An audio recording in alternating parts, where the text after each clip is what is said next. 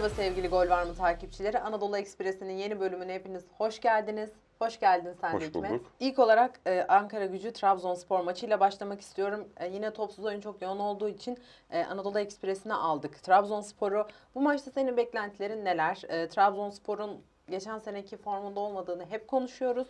E, neler olmasını bekliyorsun bu maçta? Şimdi Trabzonspor'un Konya maçından birazcık bahsetmek lazım Ankara gücü maçını öngörebilmek için. Trabzonspor'un savunması ve orta sahası koordine bir şekilde hareket etmedi Konya maçında. Şimdi bu rakibin özelliklerinden kaynaklanan bir şey de olabilir. Ee, Konya zaten herkesi e, kendi oyununun dışına çıkarmayı başaran bir takım. Bu anlamda ligde benim en beğendiğim takımlardan bir tanesi Konyaspor. E, Trabzonspor orta sahası ön tarafta basmamak için ikinci bölgede konumlandı. Orada beklediler. İşte ön tarafta gölge baskı diyebileceğimiz bir şey yapmaya çalıştılar. Fakat şöyle bir durum oldu. Konyaspor ikinci bölgeyi çok fazla kullanan bir takım değil. Üçüncü bölgeye transit geçmeye çalışan bir takım. Trabzonspor'un ikinci bölgede kompakt beklemesi e, Konyaspor'un orayı transit geçmesiyle beraber yine Trabzonspor'un bloklarını kırmış oldu. Trabzonspor iki tane penaltıyla e, 2-2 beraberliği elde etti diyebiliriz. Trabzonspor'un bulduğu çok fazla pozisyon yok. Konya'nın da evet. Hani kanatlardan gelip içeri kıvrılan pozisyonlar haricinde çok fazla bulduğu pozisyon yok. Fakat Trabzonspor'un karşılama biçiminin problemli olduğunu söyleyebiliriz. Evet. Konyaspor anlayışına karşın. Ee, Hacı Ahmetoviç ile Soner çok rahat topla oynadılar. Çünkü Trabzonspor hiç baskı yapmadı. Şimdi onlar topla oynadığı zaman oynadığı süre zarfında bekler yavaş yavaş ileri gitmeye başlıyorlar. Konyaspor'un oyun anlayışı bu. Açıklarda çizgilere basarak top bekliyorlar. Trabzonspor'un 4 tane merkezde 2 kişiyi karşılayacak oyuncusu var. Topu kanada attığınız zaman 4 tane oyuncu işlevsiz kalıyor. Bu noktada Trabzonspor özellikle ön hattı gereksiz bir şekilde ileri geri koşmak zorunda kaldı. Bu da Bakasetas ekstra dahil. efor, aynen öyle ekstra eforla yoruluyor takım. Şimdi efor demişken oraya da bir atıfta bulunmak lazım. Türkiye'de ölü zaman çok fazla olduğu için oyuncuların işte 12-12,5 kilometre arası maksimum koşan oyuncular koşuyorlar. Çok fazla e, yorgunluğa yansımıyor. Bu oyun 40 dakika değil de 60-65 dakika oynanırsa ligdeki takımların sıralama şekilleri de değişir. Ligdeki antrenman sistematiği de değişir. Ligdeki takımların gerçek performanslarını da görmeye başlarız. Takımlar yarım saat ila 40 dakika arasında bir futbol oynuyorlar. Burada da maksimum koşan adam 12,5 kilometre koşuyor. Avrupa kupalarında gidip karşılaştığınız zaman 15 kişinin tamamı kanının son damlasına kadar mücadele ettiğinde zor zahmet berabere kalıyorsunuz. Neden? Çünkü oynanan oyun süresinde ciddi farklılık var. Tempo ve eforda ciddi fark. Yani şu ana kadar ikinci bölgeyi riske eden takımlar tırnak içinde patlamadıysa burada oynanan oyun süresinin muhtemelen e, önem sıralamasında bir numaraya yazabileceğimizden kaynaklanıyor. Şimdi Trabzonspor'un Ankara gücüne karşı yapması gereken şey Konya'ya karşı uyguladığı şey olabilir. Ankara gücü topla bol miktarda oynayan, birinci bölgede sık sık pas yapan, işte yan pas, geri pas, stoperler kendi aralarında paslaşıyor. Tolga Ciğerci her tarafa taşınıyor, buraya taşınıyor, burada üçgen kuruyor. Fakat birinci bölgesinde Ankara gücünün ilgi çeken, hani çok e, sonuca tesir eden bir şey değil ama ilgi çeken bir durum var. Ligdeki takımlar genelde üçgen kurarak ilerliyorlar. Ankara gücü dörtgen kuruyor. Tolga Ciğerci dörtgenin parçası oluyor. Yani şu şekilde bir oyun kurulumuna sahipler. Top buradan çıkacaksa. Bunun artı yönde faydası olabilecek durumlar olduğu gibi eksi yönleri de var. Nedir? E, üçgene göre bir kişi fazla bulunduruyorsunuz. Topla çabuk çıktığınızda ön alanda bir kişi eksik kalıyorsunuz. Böyle bir eksisi var. Hem artısı hem çıkarken öyle ama Çıkarken artısı Evet. var. Ön alan baskısı gelirse oyunu geniş alana yayarak enine oradan çıkabilme ihtimalinizi arttırıyorsunuz. Fakat rakip basmazsa bir kişi fazla bekliyor geride. Trabzonspor Konyaspor'a uyguladığı sistematiği Ankara gücüne uygulayıp iç koridorları kapatabilecek tedbirler alırsa Ankara gücünün gol bulma olasılığı oldukça düşük. Ankara gücü genelde stoper ve bek aralarına dikine toplar atarak ya da geriden driplingle, pasla çıkan bir oyuncuyla birisini eşleştirip savunma arkasına oynayarak gole gitmeye çalışan bir takım. Trabzonspor bu anlamda sıkıntı yaşamaz fakat Siopis'in olmamasının Konya Spor'a sağladığı avantajları göz önüne getirirsek Konya Spor şu bölgeden dünya kadar pozisyon buldu. Hepsini stoperler karşılamak zorunda kaldı. Hacı Ahmetoviç'in alver yaparak sol iç koridordan içeriye daldığı golü attırdığı işte Diouf'un golü. Diouf'un golünü attırdığı pozisyonu gözünüzün önüne getirirseniz burada Siopis'le oynamamak sizi savunmada eksi bir bırakıyor. Stoper bölgesini terk ediyor. Merkez orta saha onun yerine giriyor. Merkez orta sahanın boşalttığı alana kanat oyuncusu kayıyor vesaire. Birçok kayma yaşamak zorunda kalıyor Trabzonspor. Defansif orta sahasında işte Siopis sadece bir örnek. Bunları yapabilecek bir oyuncusu olması lazım Trabzonspor'un. İşte Gbamin 8 numara diyebileceğimiz bir oyuncu. 6 numara değil bana göre. Kadroda buna uygun profil Siopis. Siopis'e bir şekilde Trabzonspor'un sakat olmadığı sürece forma vermek zorunda. Evet. İşte Ankara gücünde bu işleri yapan Taylan var. Bu işleri yapan Tolga Ciğerci var. İşte merkezden dalıyormuş gibi gidip bekin arkasına oyuncu kaçırabilir, penaltı noktasına pas indirebilir. Bunlara set çekecek oyuncular stoperler değil, defansif orta sahalar olması gerekiyor. Trabzon'un oyun anlayışına bunun daha uygun olduğunu düşünüyorum. O zaman bu maç için de söylediğin senaryolar gerçekleşirse Trabzonspor'un lehine bir e, oyun olur diye düşünüyorum. E, bu iç koridorları kapatması takdirinde ama tam tersine yine Konya maçındaki bir şeyler olursa Ankara gücünden bir sürpriz görebiliriz.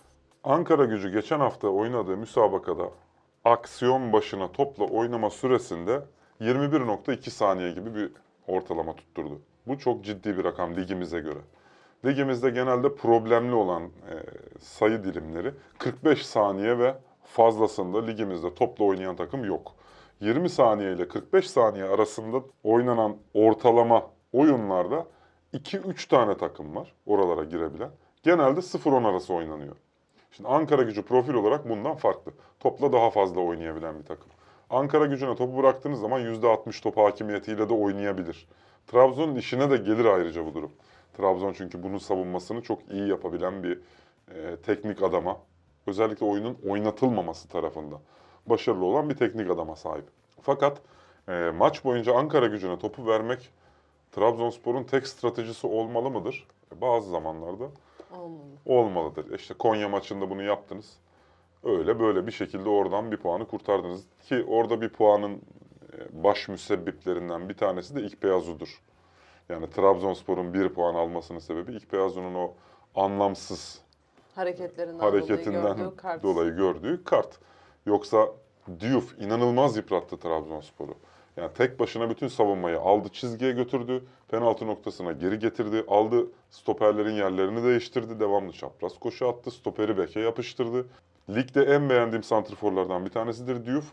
Topsuz alanda gösterdiği performansla e, bu kanaate sahibim. Ve Trabzonspor Diouf'u tek başına tutmakta zorlandı.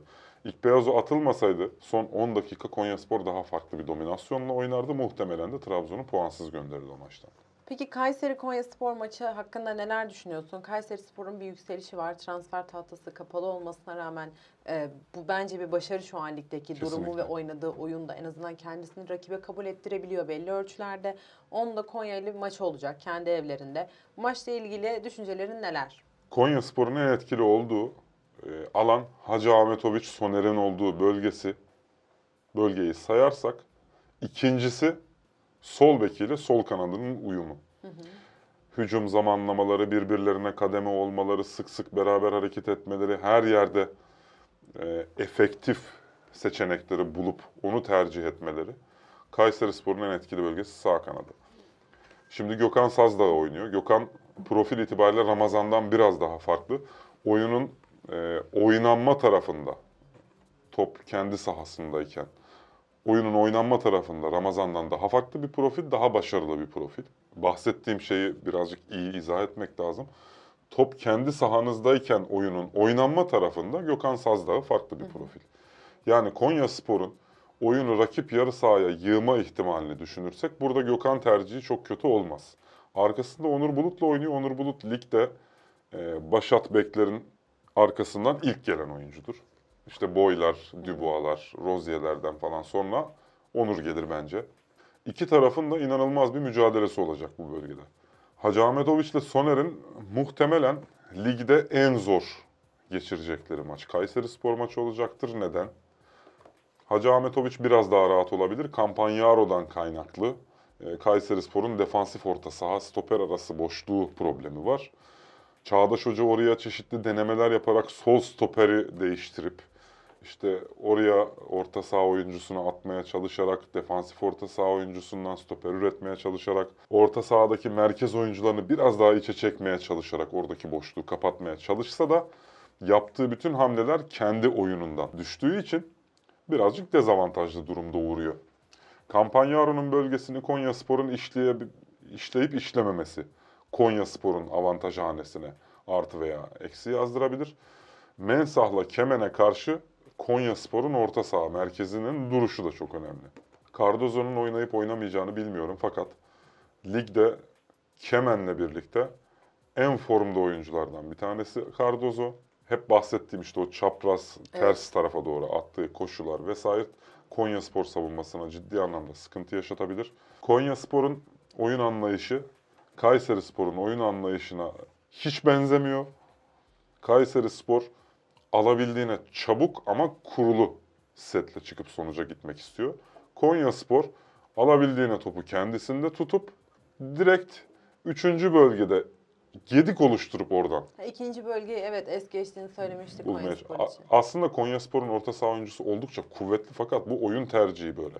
Yani Bütücü o tarafta, diğer tarafta oynarsa Muriç, oynamazsa işte Hamilton'u da sayabiliriz, birçok oyuncu sayabiliriz. Bu sene kadrosu daha geniş Konyaspor'un.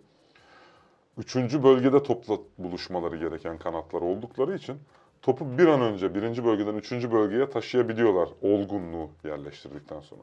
İki takımın da birbirine çok ters gelecek stilleri var. Bence haftanın maçı olacak maçtır. Kayseri Spor, Konya Spor maçı. Oldukça keyifli bir mücadele izleyeceğiz.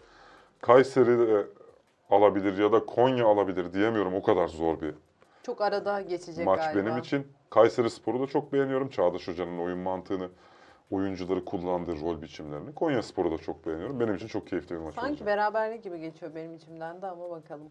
3 sonuçta sürpriz olmaz. İddiacılar gülecekler şimdi bize ama gerçekten 3 sonuca da açık diyebileceğimiz bir maç varsa bu maçtır. O zaman e, başka eklemek istediğin bir şey yoksa kapatalım. Yoksa eklemek istediğin şeyler var mı? Eklemek istediğim şey şu bu sene ligin Anadolu takımlarının şampiyonları belirlemenin haricinde Avrupa Avrupa kupalarını zorladıklarını da görüyoruz. Kendi yerlerinde de çok iyi belirliyorlar. Şimdi büyükler için kötü teknik adamlarla kötü futbol oynuyorlar diyemeyiz. Yani Türkiye'de futbolun belirli derecenin üstünde bir yükseliş eğrisi olduğunu görüyoruz.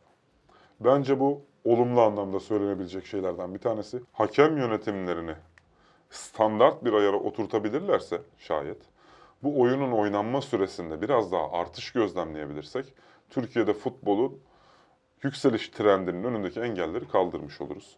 Saha içerisinde ilgi duyan insanlar için bu sene farklı bir sene.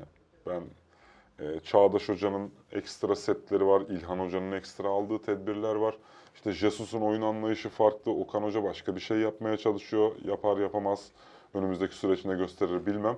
Ama her takımın kendine has bir kimliği var diyebileceğimiz bir şey. Yani İstanbul takımları ve Anadolu takımları gibi değil artık lig.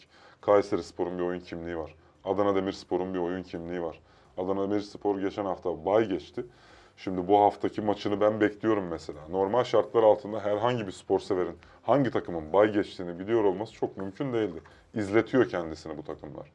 Alanya Spor e, anlamsız riskleri ceza sahası içerisinde alıyor olsa da maçı yayınlandığında mutlaka bir şekilde izletiyor. Ben Anadolu takımlarından büyükler oranla daha fazla keyif alıyorum. E, o zaman Anadolu Ekspresi'nin bu bölümünü yavaş yavaş kapatalım. Başka eklemek istediğin bir şey yoksa Eklemek istediğim klasik bir duyurumuz var. Anadolu Ekspresi'ni yaparken büyük keyif alıyoruz. Şayet sizler de keyif alıyorsanız daha fazla keyif alacak olan insanlarla bizi buluşturun. önümüzdeki hafta Anadolu Ekspresi'nde görüşmek üzere. Hoşçakalın.